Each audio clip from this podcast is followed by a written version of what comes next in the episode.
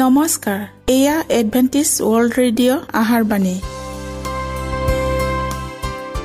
ষোল্ল মিটাৰ বেণ্ডত সোতৰ হাজাৰ আঠশ দহ কিলোহজত এডভেণ্টিছ ৱৰ্ল্ড ৰেডিঅ' যোগে অসমীয়া ভাষাত প্ৰচাৰিত আহাৰ বাণী প্ৰত্যেক বুধবাৰ আৰু দেওবাৰ সন্ধিয়া সাত বজাত আহাৰ বাণী শুনাৰ পিছত আপোনালোকৰ কিবা মন্তব্য আৰু প্ৰশ্ন থাকিলে আমালৈ এই ঠিকনাত লিখক। আমাৰ ঠিকনাটি হৈছে Adventist world radio' seven day Adventist মণ্ডলী অসম শাখা লতাকাটা বশিষ্ট গুৱাহাটী সাত আঠ এক শূন্য দুই ন।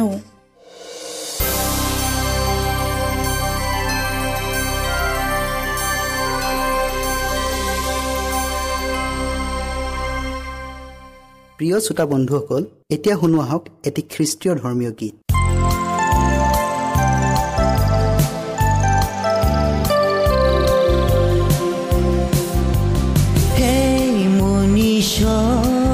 তুমি। হে মনীষ তুমি। তুমি কিয় অপ্ৰিয় ভুল প্ৰভু দৃষ্টিত কৰিলা তুমি কিয় অপ্ৰিয় ভুল প্ৰভু দৃষ্টি কৰিলা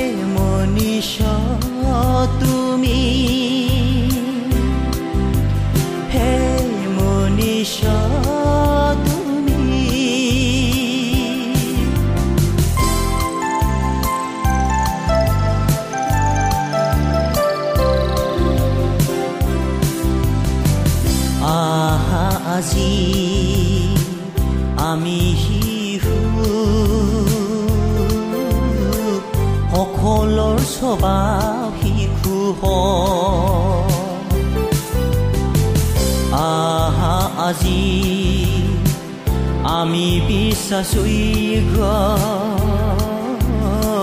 হ'বলৈ শিশু হয়। আহা আজি আমি শিশু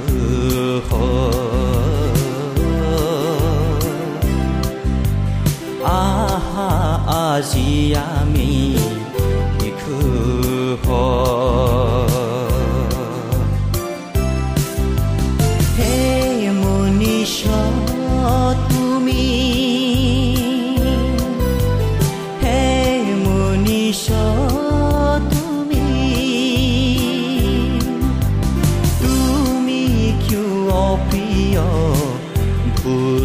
প্ৰভু দৃষ্টি কৰিলা তুমি কিয় অপ্ৰিয় ভুল প্ৰভু দৃষ্টি কৰিলা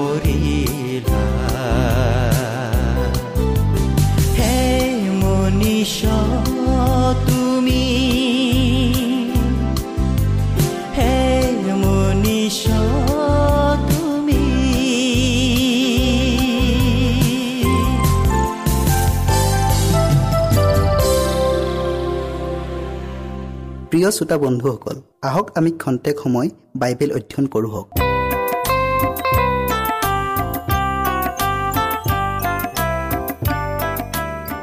বিষয় হৈছে তোমাৰ বাক্যই সত্য। সঁচা মিছাৰে ভৰপূৰ জগতখনত মানুহৰ অতি প্ৰয়োজনীয় বিষয়টো হ'ল ধৰ্ম।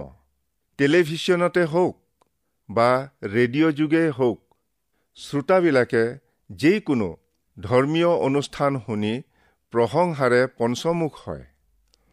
অলপ ৰৈ চিন্তা কৰি চাওক।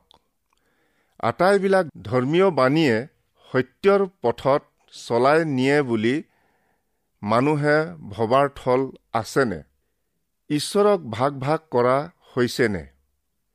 খ্ৰীষ্ট আৰু মচীহ অনেক আছেনে? বা বিভিন্ন ধৰণৰ শুভবাৰ্তাও আছেনে? অৱশ্যে তেনে একো নাই। শাস্ত্ৰত কৈছে শৰীৰ এক আত্মাও এক আৰু সেইদৰে তোমালোকৰ আমন্ত্ৰণৰ এক আশাৰে আমন্ত্ৰিত হলা।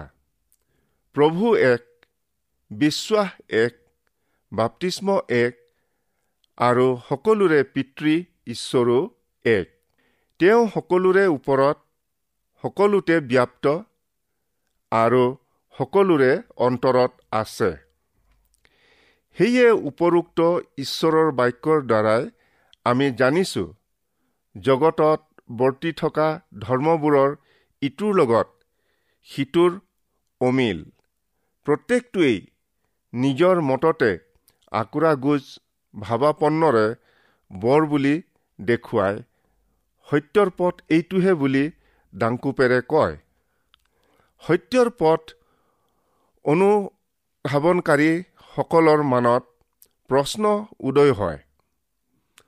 তেন্তে সত্যৰ পথ কোনটো? যদি তেওঁবিলাক আটাইয়ে সত্যই হয় তেন্তে যীশুখ্ৰীষ্টই মানুহবিলাকক ঈশ্বৰৰ পথৰ বিষয়ে শিক্ষা দিওঁতে তেওঁৰ সময়ৰ ধৰ্মীয় নেতাসকলে কিয় তেওঁক তাৰণা কৰিছিল? কিয় তেওঁক মিছলীয়া আৰু ভণ্ড শিক্ষক বুলি অপবাদ দিছিল? পৰম্পৰাগতভাৱে চলি অহা খ্ৰীষ্টীয় সমাজখন আজি শ শ সৰু সৰু শাখাত বিভক্ত হৈ প্ৰত্যেকটো শাখাই তৰ্ক বিতৰ্ক কৰি সত্য প্ৰচাৰ কৰোঁ বুলি নিজকে জাহিৰ কৰাত অনেকৰ মনত খেলি মেলিৰ সৃষ্টি কৰিছে। এই বিষয়ত আপোনাৰ মতামত কি? এনে স্থলত আপুনি কি কৰিম বুলি ভাবে? বিবুদ্ধিত পৰিব খোজেনে প্ৰবঞ্চিত হ'ব খোজে? পাৰ্থক্য বিচাৰি আপুনি প্ৰকৃত সত্যক জনাৰ কিবা উপায় আছেনে ইয়াৰ এটি অতি সহজ উত্তৰ আছে। ঈশ্বৰ বিশ্বাসী আৰু সত্যৰ অন্বেষণকাৰীজনে ঈশ্বৰৰ পবিত্ৰ বাক্যত লিখা কথাবোৰ বিশ্বাস কৰি সেইমতে চলিব। প্ৰকৃত খ্ৰীষ্টিয়ানজনে পবিত্ৰ বাইবেলৰ শিক্ষা প্ৰতিবাদ কৰি নিজৰ অভিমতত নচলিব। আৰু এইটোৱেই হৈছে সেই পথ। সকলো বিষয়ৰ পৰীক্ষা কৰি যি ভাল তাকেই ধৰি ৰাখা আৰু সকলো মন্দৰ পৰা পৃথকে থাকা। প্ৰিয় শ্ৰোতা বন্ধুসকল সেয়ে আজি অনেকে ৰেডিঅ'ৰ যোগে হওক বা টেলিভিশ্যনৰ যোগে হওক ধৰ্মীয় প্ৰচাৰ বাণী শুনি অনুষ্ঠানবোৰৰ প্ৰশংসা কৰি কয় অমুক অনুষ্ঠানৰ শিক্ষকজনে মোক বাইবেল বুজাত সহায় কৰিলে। আন এজনে প্ৰশংসা কৰি কয় মোক অমুক ধৰ্মীয় অনুষ্ঠানৰ শিক্ষকে সত্যপথ দেখুৱালে ইত্যাদি ইত্যাদি।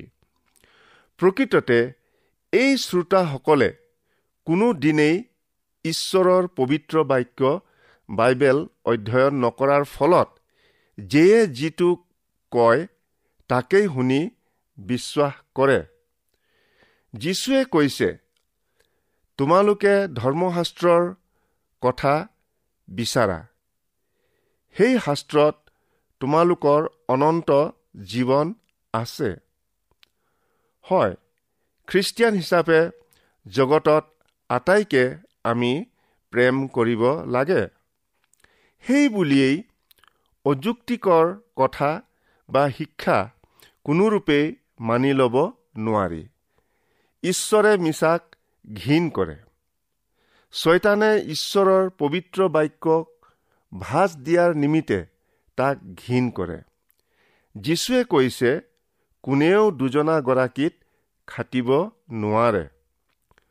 বহু ঘটনাৰ অভিজ্ঞতা থকা স্বত্তেও মই এইখিনিতে কেৱল এটা সত্য ঘটনা উল্লেখ নকৰি নোৱাৰিলোঁ। কোনো এজন ব্যক্তিয়ে বিভিন্ন ধৰ্মীয় অনুষ্ঠানৰ পৰা ভালেমান ধৰ্ম সম্বন্ধীয় পুস্তিকা গোটাই অধ্যয়ন কৰি পালে এজনে কিবা এটা ক'লে আনজনে কিবা এটা বিপৰীত কথা কয়। এতিয়া মই বিমূৰত পৰিছোঁ। কিছুমানে কয় নতুন আকাশমণ্ডল আৰু পৃথিৱী এইখন ধৰাতে হ'ব। আন কিছুমানে কয় আন কোনোবা গ্ৰহতহে নতুন পৃথিৱী হ'ব। এতিয়া মই কাক বিশ্বাস কৰিম? এয়া উত্তম প্ৰশ্ন। উত্তৰত ক'ব পৰা যায় পবিত্ৰ বাইবেল শাস্ত্ৰখন অধ্যয়ন নকৰে কিয়? তাতেই সকলো বিষয় সঠিক উত্তৰ পোৱা যায়।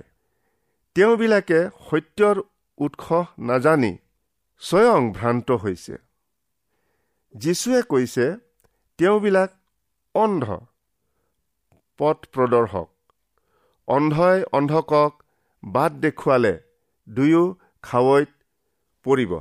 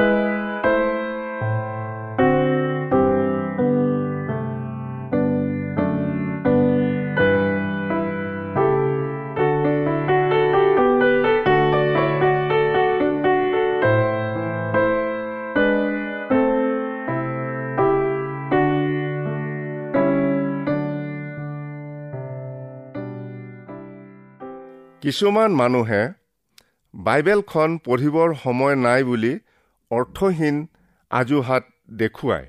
যদি তেওঁবিলাকে শাৰীৰিক যতন ল'বৰ সময় পায় তেন্তে আত্মিক পৰিপুষ্টিৰ কাৰণে বাইবেল অধ্যয়নৰ সময়ো নিশ্চয় পাব।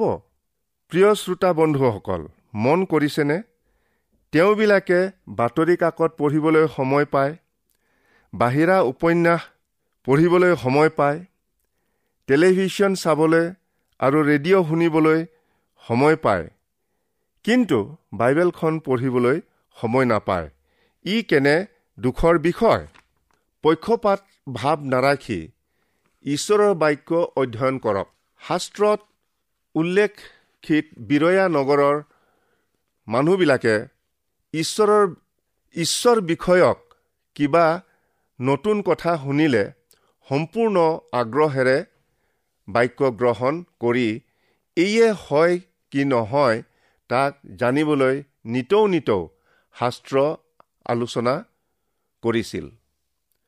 শাস্ত্ৰখন অধ্যয়ন কৰিলে ঈশ্বৰৰ বাক্যৰ সৈতে নিজৰ মতামত জড়িত নকৰিব।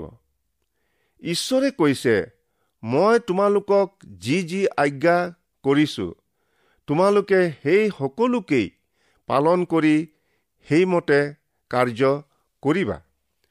তোমালোকে তাত কোনো কথা যোগ নকৰিবা বা তাৰ পৰা কোনো কথা কম নকৰিবা।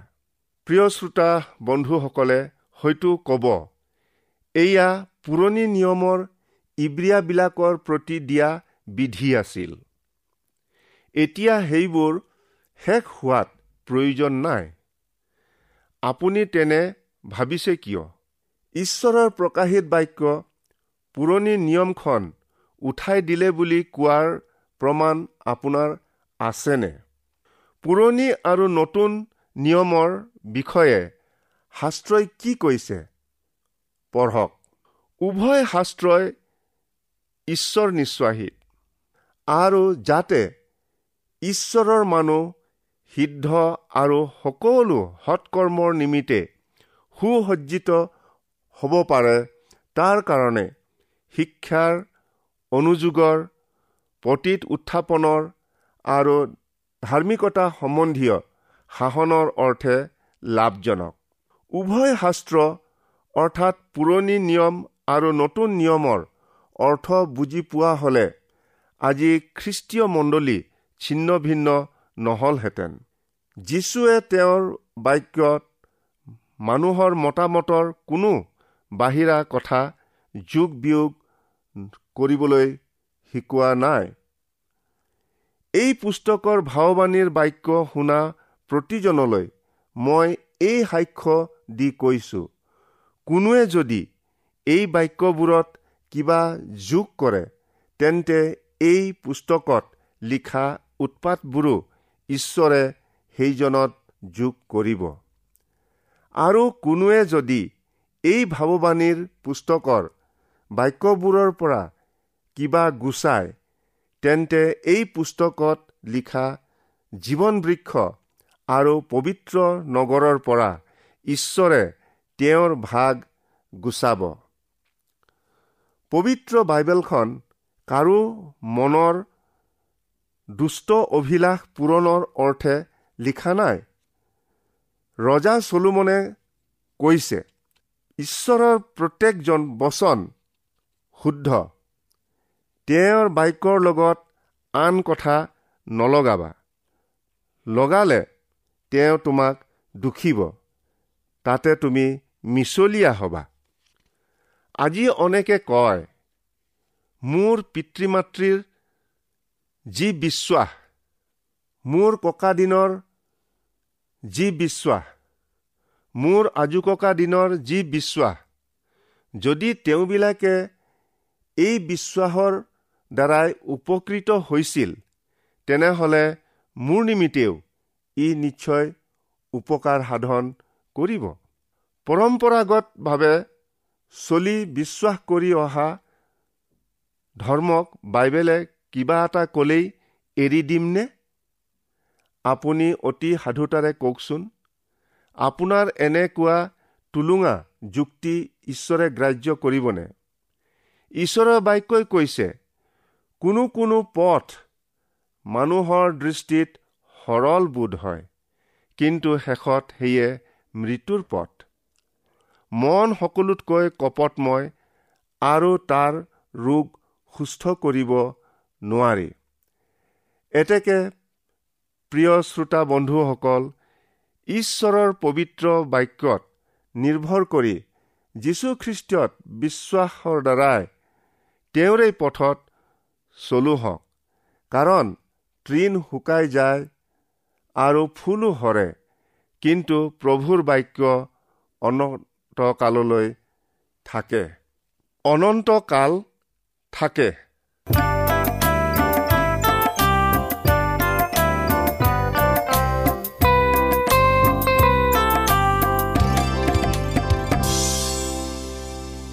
ইমানপৰে আমি বাইবেল অধ্যয়ন কৰিলোঁ। এতিয়া আকৌ শুনো আহক এটি খ্ৰীষ্টীয় ধৰ্মীয় গীত।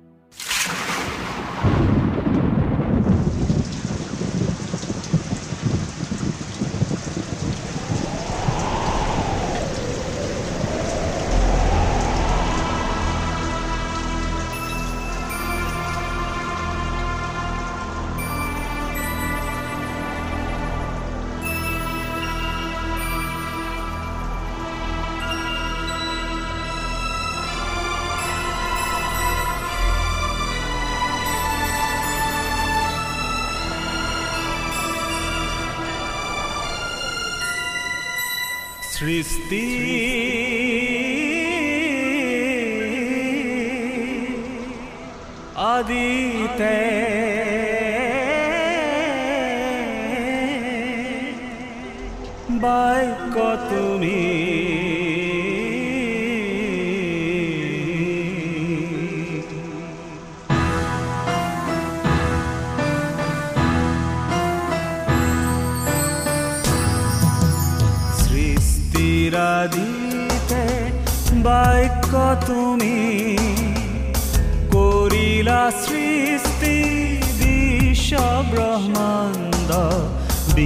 Shabra.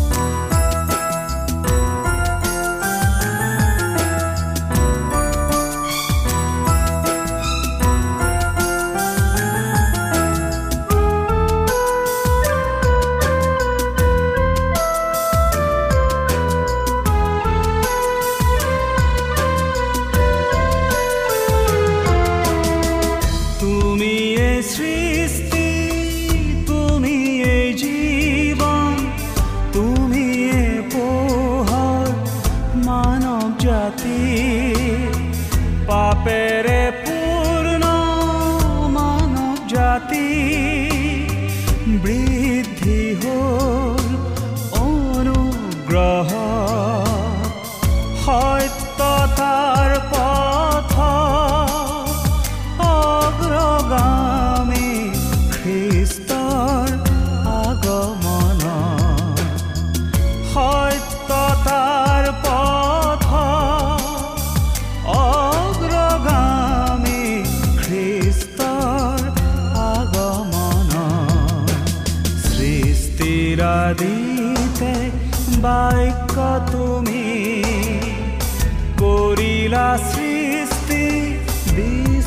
ব্ৰহ্মাণ্ড বিশ্ব ব্ৰহ্মাণ্ড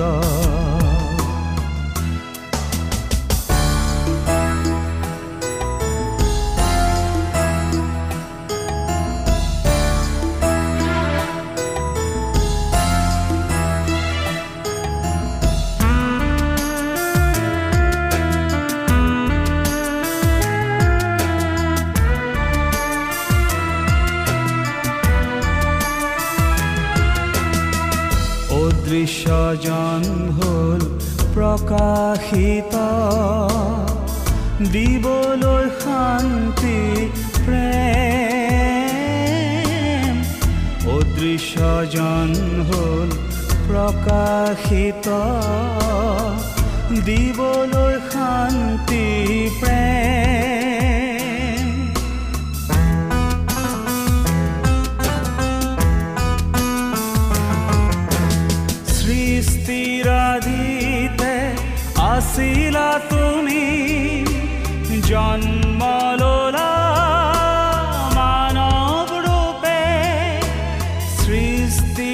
দিতে আসিলা তুমি।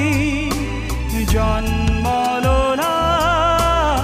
মানব রূপে মানব রূপে মানব রূপে সৃষ্টিরা দিতে বাক্য তুমি।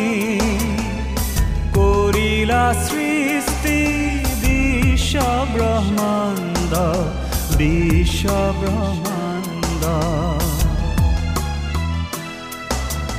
বাক্যৰূপে আছিলা তুমি স্বয়ং পুত্ৰ পৰমেশ্বৰৰ স্বয়ং পুত্ৰ সৃষ্টিৰাদিতে তুমি